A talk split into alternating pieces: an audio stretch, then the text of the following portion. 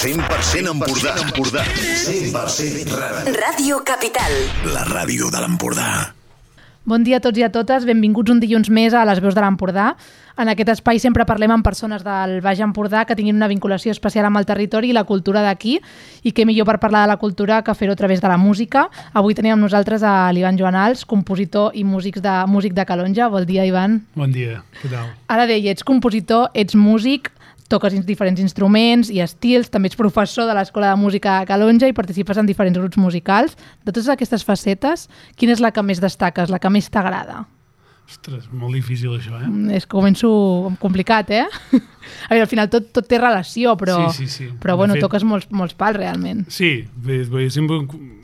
Si m'haig de definir, i no em sap gens de greu dir-ho, em defineixo com a músic tastaulletes, totalment.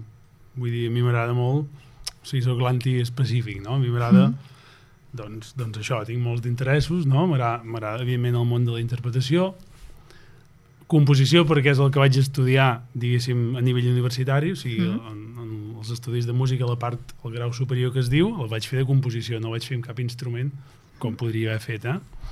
I, i més recentment, i que no m'havia pensat mai que m'agradaria, però sí que m'està agradant molt, el tema de la direcció. Que ara en parlarem vaig, també. Sí, que vaig estar, i sóc amb Copla, Mm. però i ara doncs amb un projecte molt més gros. I sempre has tingut clar que et volies dedicar al món de la música? És algú de tota la... que portes? Perquè al final els músics, no? Normalment és algú de, Sí, sí. de sang. Com a mínim tenia molt clar que no ho volia deixar mai. I això va ser determinant en certs moments que, que vaig haver de decidir, no? Doncs, Clar. Clar, perquè en quin moment tu et trobes, en, decideixes no, que vols que sigui algú prof, perquè al principi tothom quan comença amb la música és un hobby, no? Vull Sí. dir, aprens, ets petit, comences a tocar algun instrument o cantar o el que sigui, i llavors en algun moment dius, vale, la meva vida la vull centrar en això. A veure, en el meu cas ho vaig tenir bastant clar, perquè a casa de la meva tia, que la germana del meu pare, que es, o sigui, les cases feien costat, es comunicaven, hi havia un piano allà, sempre i ell el tocava i, mm.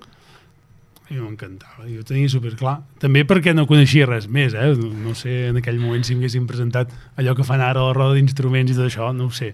Però un dia li vaig dir als meus pares que volia tocar el piano i, i a més a més que estaven com així escèptics perquè les meves germanes grans, que em perdonin el que diré, però els havien apuntat a música i mai la cosa... Bueno, van fer, van fer però no No van seu. no arribar... bueno, van, ja s'ho van passar bé i tot això, però van acabar, no? Mm. I en el meu cas, diguéssim que no van, van decidir no dir-me res. I clar, quan vaig demanar-ho jo, doncs, no sé, se'ls van obrir uns ulls així i van dir, hosti, doncs va, cap allà, no?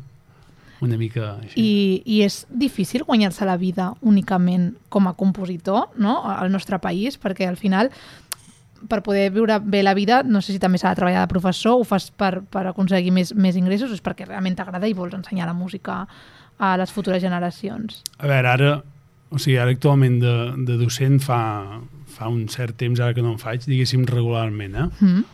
O sigui, fa, fa dos anys ara. De compositor estrictament no, no m'hi he guanyat mai la vida únicament, eh? sinó que van sortint projectes, propostes i, doncs, per exemple, ara mateix en tinc una, d'un- un alumne de uh, un alumne de Gralla de Tarragona que doncs, ha de fer un canvi, ha de fer un pas de grau i haig d'escriure una peça pel, pel seu projecte, no? Mm. Petits projectes així però jo entenc, o sigui, jo entenc la música així i a més a més és que aquí realment no hi ha gaires més opcions tampoc hauria de, de ser alguna cosa molt fora de sèrie en un camp molt concret i encara trobo, no? Perquè és... Bueno, podria ser molt complicat. ho has de lluitar molt per poder-te dedicar al món de la música. Sí, o si més no, has de, jo trobo que has de diversificar molt i no t'ha de fer mandra. En el meu cas és idoni perquè a mi m'agrada que sigui així, Mm. però potser hi ha gent que ho veu com més negativament, de dir, ostres, és que haig de fer altres coses per poder arribar a final de mes, no? En el meu cas, per mi és un avantatge, per mi és, és enriquidor poder fer això. I el fet de ser de Calonja t'ha limitat d'alguna manera a la teva formació i progressió com a músic? O, o no... o- Vull dir, has hagut d'anar fora a formar-te o has, has pogut fer-ho aquí? Vull dir, com està la música aquí també, a l'Empordà? A veure, podria estar millor. no, no, no ho negarem, mm. no ho negarem. Clar, jo ara ja tinc uns quants anys i... Però en aquell moment l'escola que va fundar l'Adrià Sardó, el senyor Sardó es va morir fa pocs anys, amb 99 anys gairebé, Mhm. vull dir, és un músic que va estar tocant, van ser dels que van fundar el que és ara l'orquestra, l'OBC, l'Orquestra de Barcelona i Nacional de Catalunya, vull dir, estar tocant de director amb Eduard Toldrà, vull dir, que és, hosti, Ja, ja, veníem amb un nivellasso de, no? Uh, però no em va faltar de res, eh, a l'escola. Al meu poble, de fet, vaig estar fins a quart de grau mitjà, que és molt, diguéssim, per ser una escola de poble, Mm. i després vaig acabar de fer el grau mitjà al Conservatori de Girona, i després vaig passar a l'Escola Superior de Música, a Barcelona. I, i, i t'estàs seguir formant en el món de la música? O sigui, és d'aquelles coses, perquè hi ha carreres, hi ha sectors, hi ha mons que no sí. pots parar mai, o, o al final, de, com tu ja saps ja les bases, ho fas de forma autodidacta el, el que segueix vinguent. Bueno, les dues coses. És que mai no pots dir ja estic, no? Què, què vol dir que ja estàs, no? No, clar, no, no. I la curiositat arriba fins a, fins a nivells increïbles. Sí, la formació jo crec que és necessària. No només la pràctica, sinó seguir-te expandint, seguir... No sé, en el meu cas, doncs, per exemple, de, vaig rebre formació majoritàriament clàssica Mm. i a mi sempre m'havia agradat molt tot el món del jazz i no havia tingut mai també perquè els plans d'estudis no ho contemplaven. Aleshores, jo, per exemple, és un gèneres que els he conegut de gran i, i que hi vaig entrant de mica en mica, també. I parlant d'això, com definiries el teu estil? Perquè ara parlaves de jazz, ho tens clar? O també com toques tot perquè t'agrada anar provant? Com amb, A l'hora d'escriure música, Sí, eh, em- m'he interessat molt pels instruments autòctons, mm, és curiós. sobretot el món de la copla. El copla com a formació, eh? Mm. com, a, com a orquestra. I en aquí és on m'hi sento molt i molt còmode i després doncs, copla amb extras que poden anar doncs, des de cordes, percussions, etc etc. Uh, però faig servir molt un llenguatge bastant jazzero, a nivell d'harmonies i tot, o sigui, hi ha una, hi ha una empremta Sí que bastant sí que forta. tens un, un, un estil bastant definit.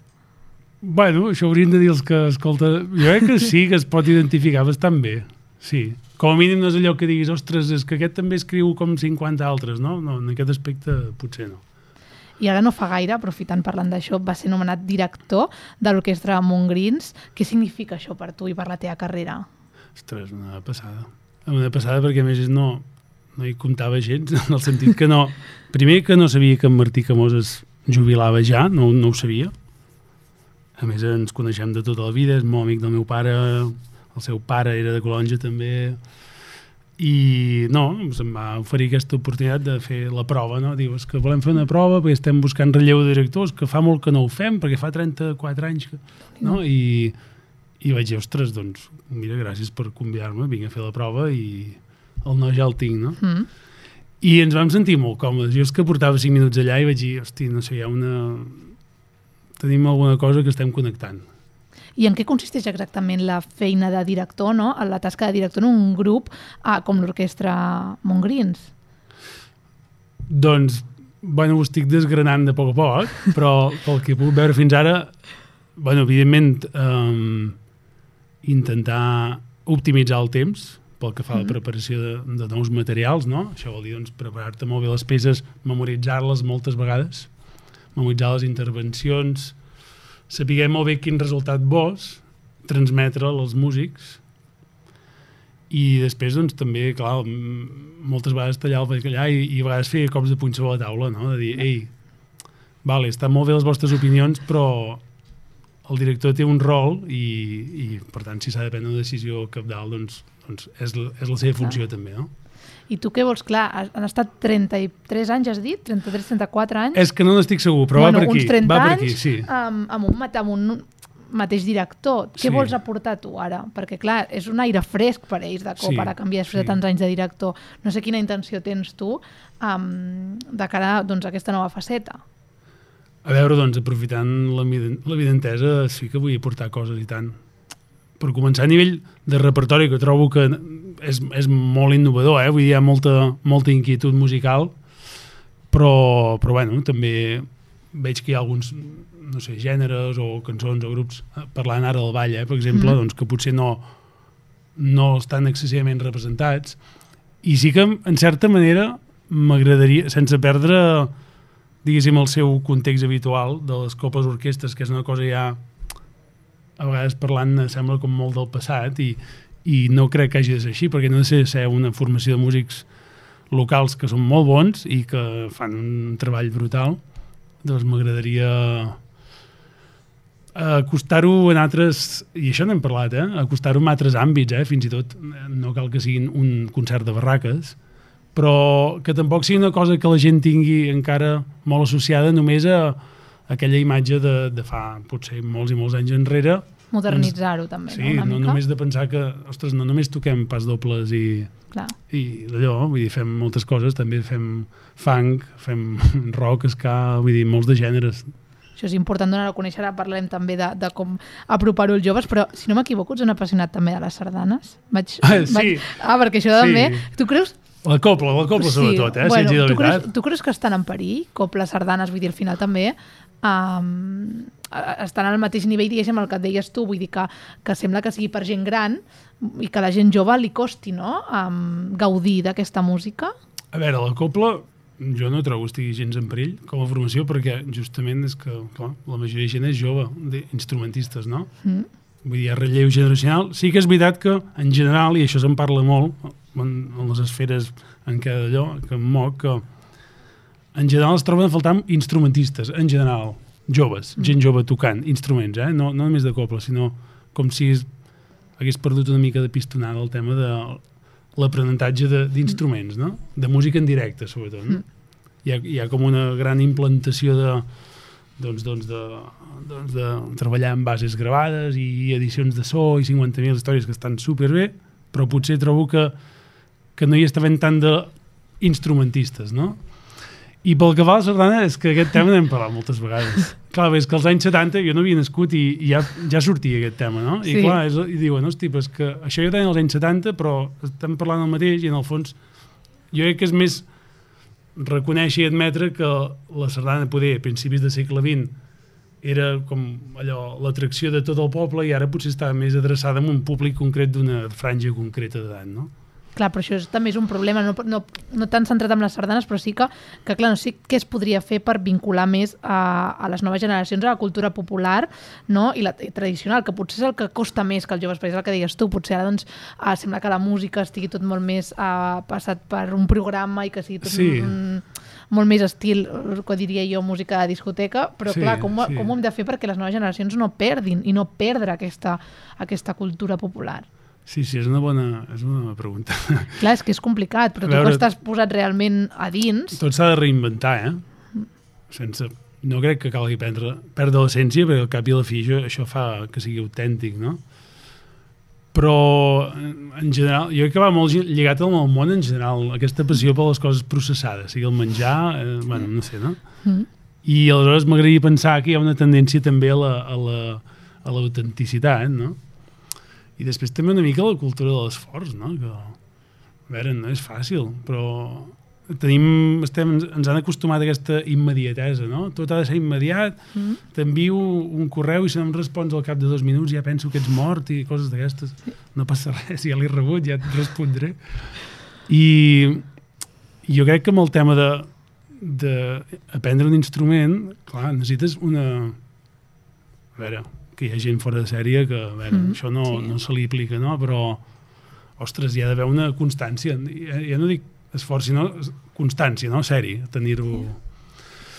Aleshores, no, no sé ben bé com respondre És, és complicada, pregunta. Sí. perquè l'altre també seria, jo crec que potser, mira, per una vegada sembla que els, que els pobles també, o sigui, la cultura tradicional potser és més fàcil mantenir-la als pobles, perquè clar, les grans ciutats sembla que ja no, vull dir, te'n vas a un Girona o un Barcelona Sí, uh, i, i sembla que ja no, no es practiqui, no tinguis aquesta cultura, vull dir que per sort almenys aquí, al Baix Empordà, Sí, però- Calonja o així encara, encara es manté, no sé, clar, és complicat això.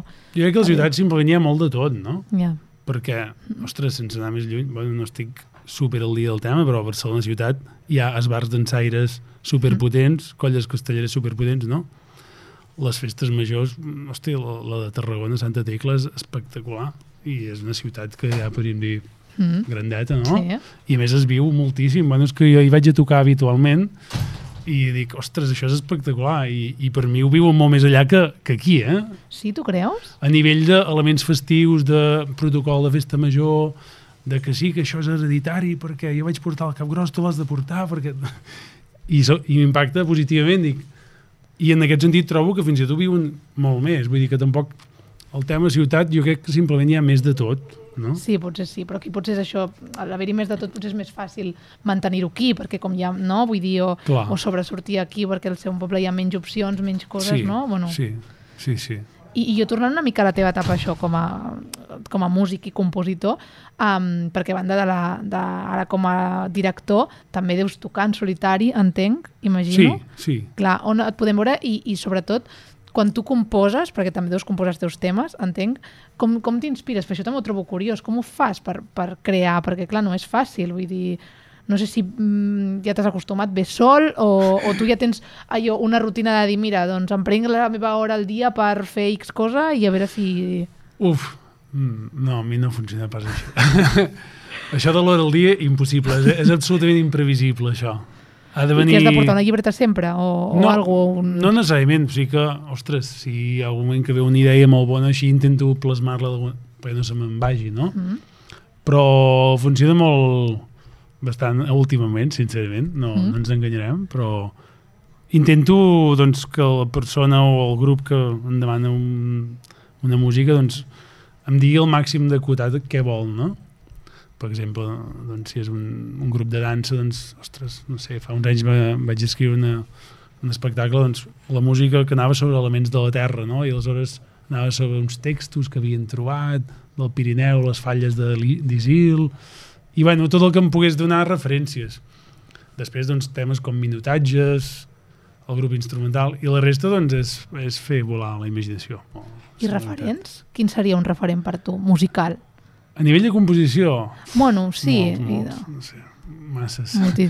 No, és jo, que és... molts. Jo, per exemple, a mi m'agrada molt, jo crec que deixo, deixo empremta el meu, el meu d'escriure tot el que és el jazz antic, eh, en el meu cas, Mm? i després, diguéssim, el món clàssic, ostres, mm, impressionisme francès, per exemple, m'ha marcat molt, i Debussy i Ravel per mi són Mm? uns déus. Ah, bueno, hi ha més déus, però aquests són els que estan a dalt de tot. Mm. Després també tot el tema Granados, Albenis, um, déu nhi perquè Montpou. són... Vull dir que... Poder m'identifico més amb aquesta final Sí. de 19, principis Eh. del 20, i, i després això, no? aquests anys 20, anys 30, 40 del segle XX, Mm. que és una època que no moria, deixant No, de no- banda eh, No ho les misèries mai que hi havia jo, eh, moment. també, que, que em diries aquest estil. Vull dir, no ho sembla. És veritat que a vegades Sí. no, els prejudicis uh, no ajuden, però no t'ho hagués dit mai. Veus? Doncs Sí, mira, tot- Totalment. I, I ets, com he dit, ets, encara ets molt jove i tens molta carrera per endavant um, i segur que tens molts plans en ment, però no sé, vale que ara comences això com a director, fa molt poquet que has començat, però què t'agradaria fer musicalment parlant en els propers anys? ostres, doncs, Com objecti objectius com a músic. sincerament mm, objectiu no sé si puc dir que en tingui cap així de molt i molt clar jo Mhm. crec que el que sí que puc dir és que, que m'agrada molt ser d'estaulletes i que sempre doncs tinc idees pendents, no? Per exemple, tinc moltes ganes de tocar el violoncel, que és un instrument que sempre m'ha encantat i mai no m'hi he posat. Uh, instruments de cor d'altres també, amb els metalls doncs també és que m'agradaria ampliar coneixement, sobretot. A nivell instrumental em crida molt l'atenció, molt, moltíssim. Pues això està bé i seguir aprenent. Sí, sí, I, sí. i ja, ja per anar acabant, ah, on us podrem veure també tant a tu en solitari com a l'Orquestra Montgrins ah, properament, perquè la gent pugui venir a gaudir de la, de la música també.